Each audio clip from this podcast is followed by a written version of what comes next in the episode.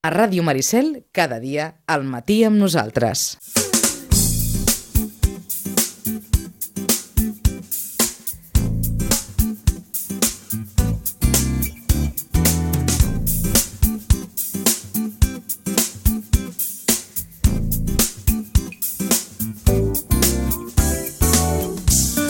11 i 41 minuts del matí, per tant, abans no arribem a les 12, que els sembla una mica d'informació esportiva, perquè eh, diem que farem el titular allò fàcil, no? Sitges està d'enhorabona perquè ha nascut un nou club esportiu, el Sitges eh, Hockey Club.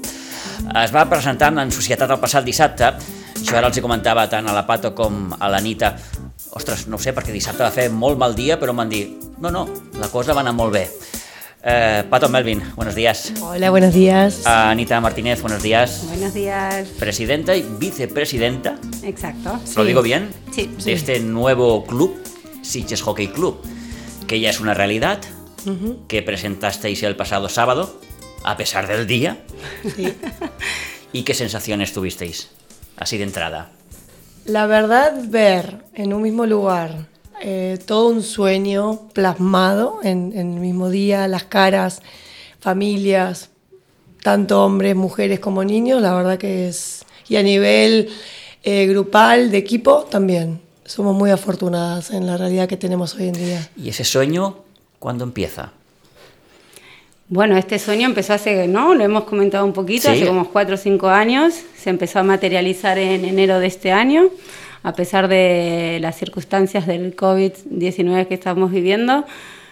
Pero hemos, eh, ya siempre, eh, hemos estado siempre agradecidas por este impacto que ha tenido este nuevo deporte aquí en Siches y sobre todo por descentralizar ¿no? el deporte, que siempre hablamos de que está centralizado en una parte de Cataluña que es en la zona de Terraza.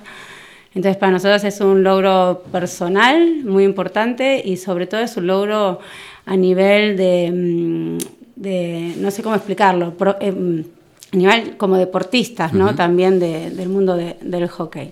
Entonces este sábado que lo hemos podido presentar eh, ha sido un momento a pesar del tiempo, eh, muy emotivo, hemos terminado un poco largando un par de lágrimas y demás, pero fue un momento en donde, como dice Pato, donde se concentra todo lo que nosotras tenemos como objetivo, ¿no? que toda una familia sea parte a nivel de, de club eh, y que los una el deporte, ¿no? La misma, el mismo entusiasmo.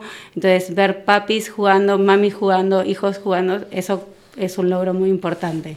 Y que las familias se sientan parte del club y que todo el mundo venga a colaborar, a ser parte, a sumar, eso se, se agradece muchísimo. Precisamente creo que hay un, cierto interés por parte de la federación de mm, descentralizar este deporte, ¿no? Que no se focalice todo en, en la zona del Vallés, en Sant Cugat, Exacto, es uno de los objetivos principales de la Federación Catalana. Sí, piensa que es verdad que hace cinco años atrás, porque Anita y yo jugábamos al hockey teniendo hijos, si venían en la calle a niños con stick eran los nuestros y madres, eh, jugábamos en la puerta de casa, en la calle al hockey.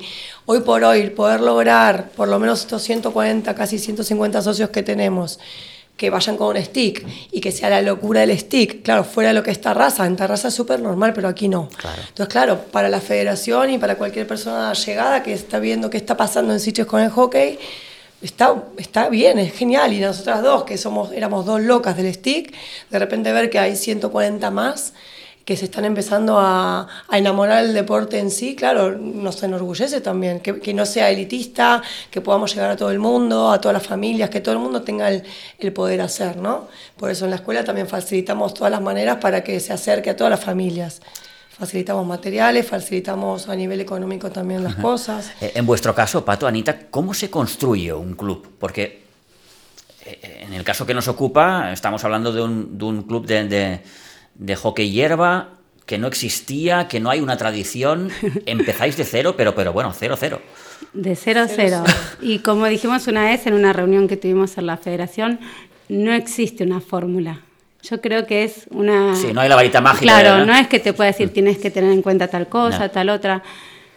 Eh, sinceramente, eh, creo que hay una planificación muy fuerte detrás. Sí que lo La hay, tuvimos muchas horas, muchos hubo- encuentros, reuniones. Hubo un plan estratégico porque lo teníamos, había un estudio de mercado supuesto, habíamos valorado muchas cosas porque es, en eso, a eso nos dedicamos también, pero fue un factor extra que, que, no, que, no, que no controlábamos, tuvimos que poner lista de espera.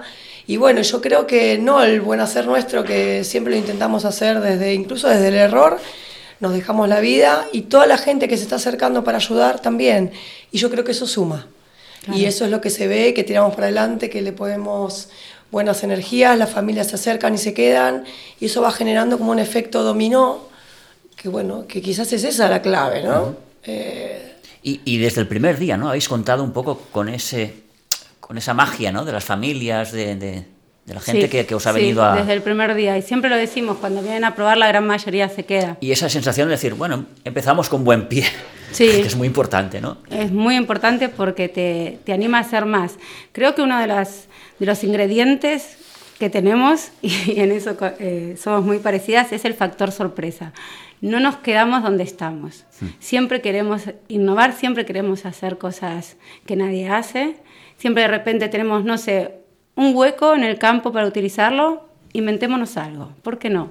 Hagamos esto, ¿por qué no? Eh, el año pasado, sí, la temporada pasada, cuando hicimos el torneo interno de mamis, salió sí, espontáneamente. espontáneo, ¿por qué no hacemos? ¿Por qué no les proponemos esto a las chicas?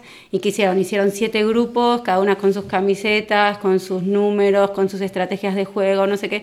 Todo eso es un factor sorpresa. No existe a nivel club en ningún lado este, este torneo interno donde tú le digas a alguien que genere un nombre de equipo, un color. Entonces, todos estos factores sorpresas también lo hacemos con los niños. crean pertenencia Exacto. también y creo que ese poco de locura añadida que le podemos dar porque somos las dos igual en eso porque al final cuando hay una pasión la hay y no se puede explicar y en nuestro caso es ese hay una pasión que nos va más allá de las familias, perdón familias, gracias por apoyarnos, de los trabajos y de todo.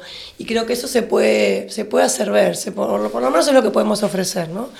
y que la gente se va contagiando de esta locura linda, ¿no? De, de de tener una pertenencia y llegar a un club y, y saber quién eres con tu nombre, con tu apodo y tu familia y tus hijos, el llegar y hacer club, eso creo que es... Hay, hay, es cierto, ese factor más, o ese aspecto más, más, más social, pero bueno, sois un club deportivo y como tal, eh, un día u otro competiréis. Exacto, sí, sí, y de hecho ya van teniendo más calidad técnica, las jugadoras se nota y van soltándose mejor. En A- el Ahora juego. mismo, perdóname Anita, ¿cu- ¿cuántos equipos, Pato, cuántos equipos tenéis?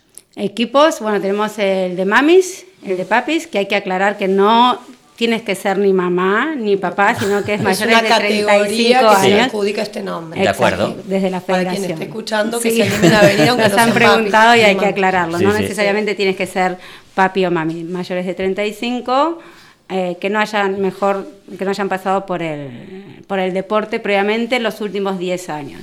¿vale?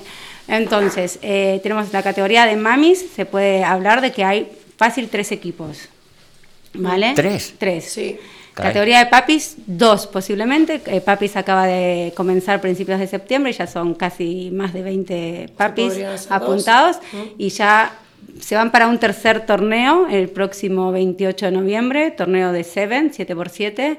Han hecho uno en Terraza, el nuestro como debut el pasado sábado, que han venido cuatro clubes desde Terraza, invitados y de Castel de Fers. Y eh, próximamente el 28, o sea que están muy activos los papis, muchísimo. Ya veo ya. Sí, más que las mamis. poco tiempo que llevan, sí, mucho, sí, mucho. sí. Luego tenemos un equipo de, mm, de alevines, que son entre 11 y 12 años. Luego tenemos un equipo de, mm, eh, preben- de benjamines. ¿Benjamines?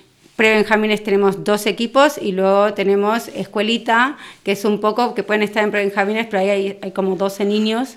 Claro. Pues escuchar, para empezar, no está nada mal. No, Podríamos decir que casi todas las casi todas las categorías cubiertas. Luego, exacto. por eso hacemos hincapié en que somos escuela de hockey, que queremos que aprendan bien el deporte y formarlos Es bien decir, la que- base princi- principal es ven y aprende. Y a Exacto. partir Sí. de aquí ya, ya veremos. Claro, poco a poco, porque también es una realidad. En, en otros clubes como en Tarrasa, claro, vienen de familia del, del hockey de toda la vida. Claro, y- aquí lo decíamos antes, no hay una tradición en este Exacto. deporte. ¿no? No, Sí.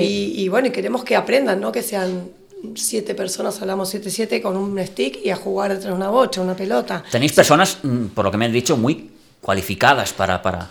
Sí, sí, las tenemos. Eh, Eh, tenemos, eh, nos está, está colaborando con nosotros Walter, ¿vale? que ha sido un jugador de la, del CD Terraza, Ajá. ¿vale? muchísimos años, ha estado en División de Honor y demás. Eh, él juega como portero, pero bueno, lo bueno de, de su puesto es que tiene la visión conjunta del terreno de, de campo, ¿no? de competición. Entonces nos está dando una mano muy, grandísima Con los porteros. con, lo- con los porteros y los y, papis. y es el entrenador de los el papis. entrenador de los también. papis. Entonces, claro, es verdad que tenemos suerte en ese nivel. Después vino Verda, que también ella creó eh, el- la escuelita, digamos, del Club de Polo Barcelona, pero claro, hace 40 años atrás. Entonces, claro, toda esa experiencia que ella puede tener, nosotros nos nutrimos y aparte es un placer y un orgullo tener a alguien con tanta experiencia detrás también, ¿no? Y nos está ayudando la escuelita, va rotando en, en los distintos equipos que tenemos para que todos los niños se puedan ver beneficiados de su experiencia. Qué bueno. Y luego la, la parte de en las, las cadetas nos están ayudando un, un poquito también Sí. de soporte de escuela. Y luego a nivel inicial tenemos a Nati y a Chimena que nos están ayudando con los más chiquititos, que es la entrada ¿no? al club, es por donde tiene que ser un deporte lúdico, recreativo, divertido. Y a partir de ahí empezar a, a crecer dentro de lo que es el club. Eh, mm, no todo es oro lo que reluce, como se dice aquí. Y tema campo. Ahí tenemos un problemilla, ¿no? Ahí hay una. hay- es como que. Está, ahora estáis, ¿no? en, eh, El ahora estáis en, en- túnel. en el campo de, de, de Pinsbens, en el campo Sí. polivalente de, de Pinsbens, donde Sí. juega el Rugby Club Sitges, pero bueno, en ese campo no podéis competir. No, no se puede competir, Competir, en, no. en ese campo. Pero se puede Jugar aprender. algún amistoso, sí, Sí, claro. pero competir no. Es decir, que de momento el, eh, el club no puede entrar en competición, ¿es así? Exacto, no podría ser, digamos, local. Podría competir siempre siendo visitante, Sí. evidentemente. Vale. Yo creo que todo se va dando como lo vamos necesitando. Como club nuevo, estamos aprendiendo un deporte. El césped del polivalente nos sirve para aprender. A nivel institución es fantástico.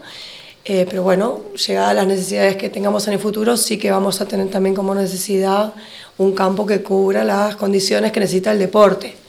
Y creo que como club también estamos creciendo y crecerá un poquito más, ¿no? Por lo tanto, Esta necesidad de competir. necesitamos un terreno de juego y a partir de ahí supongo de que, juego, sí. Pato, Manita, habéis entrado ya en, en conversaciones con el ayuntamiento, con, con- Exactamente, con el sí, el regidor. ayuntamiento está al Siempre. corriente de nuestras necesidades Sí. y esperamos que en breve tengamos una reunión para poder concretar eh, bien qué necesidades tenemos, qué plazos, evidentemente, tenemos, porque esto no es para mañana. Claro, no es de hoy para mañana, sí, sí. exacto. No, pero claro. una previsión, ¿no? De incluso nuestro crecimiento como, como club, porque si fuéramos 10 es una cosa, pero siendo los que somos y, y ver que vamos creciendo y que no competimos, pero vamos a hacerlo y que vienen instituciones de fuera, de Cataluña, incluso de España, a querer hacer cosas en Siches, estamos hablando de selecciones que quieren venir a hacer una pretemporada a Siches, entonces no es poca cosa.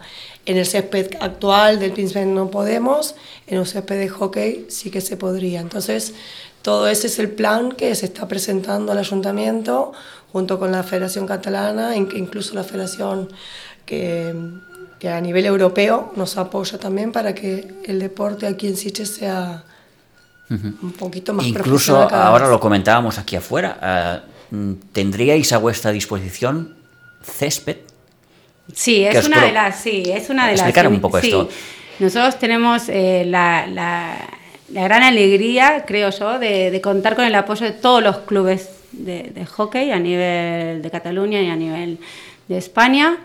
Y hay uno de los clubes de, de la zona de terraza que va a cambiar en breve su césped porque bueno compite en, ¿no? en, digamos en las absolutas bueno, en división de honor y demás y- Máximas categorías. en las máximas categorías y posiblemente tengamos eh, ese césped a disposición para solo transportarlo desde ahí hasta aquí, no sé cómo lo vamos a hacer, si nos vamos a poner todas las mamis juntas y los papis y lo traeremos falta, rodando, como, como sea, pero eh, ahora necesitamos un espacio Claro, este césped hay que, habría que colocarlo. abrirlo, exacto. Sí, sí, sí. Entonces sí que es cierto que hay un espacio muy, muy bonito a nivel de... de que ¿Hay algún lugar ya que Sí, ¿Se puede hablar de algún...? visto, sí, Como algo provisional. como algo, algo provisional, provisional, sí. sí, sí. A ver, ya te digo, queda pendiente una charla importante, una reunión importante con el ayuntamiento y, y ver estas posibilidades que serían transitorias, de momento increíbles para lo que es el crecimiento de- de- del club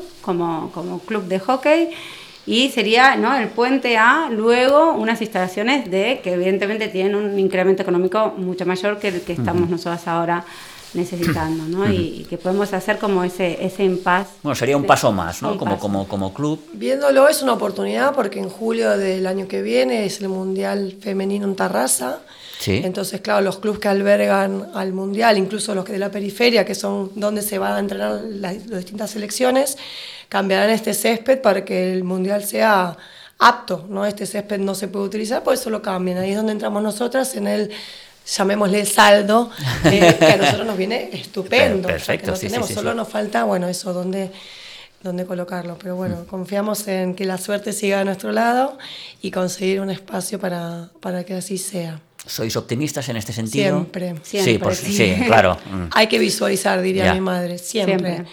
Y no solo visualizo el tem- campo temporal, si- sino que visualizo el campo definitivo. Lo visualizo y yo creo que entre todos podemos hacer lo posible para que de aquí a unos añitos lo podamos tener.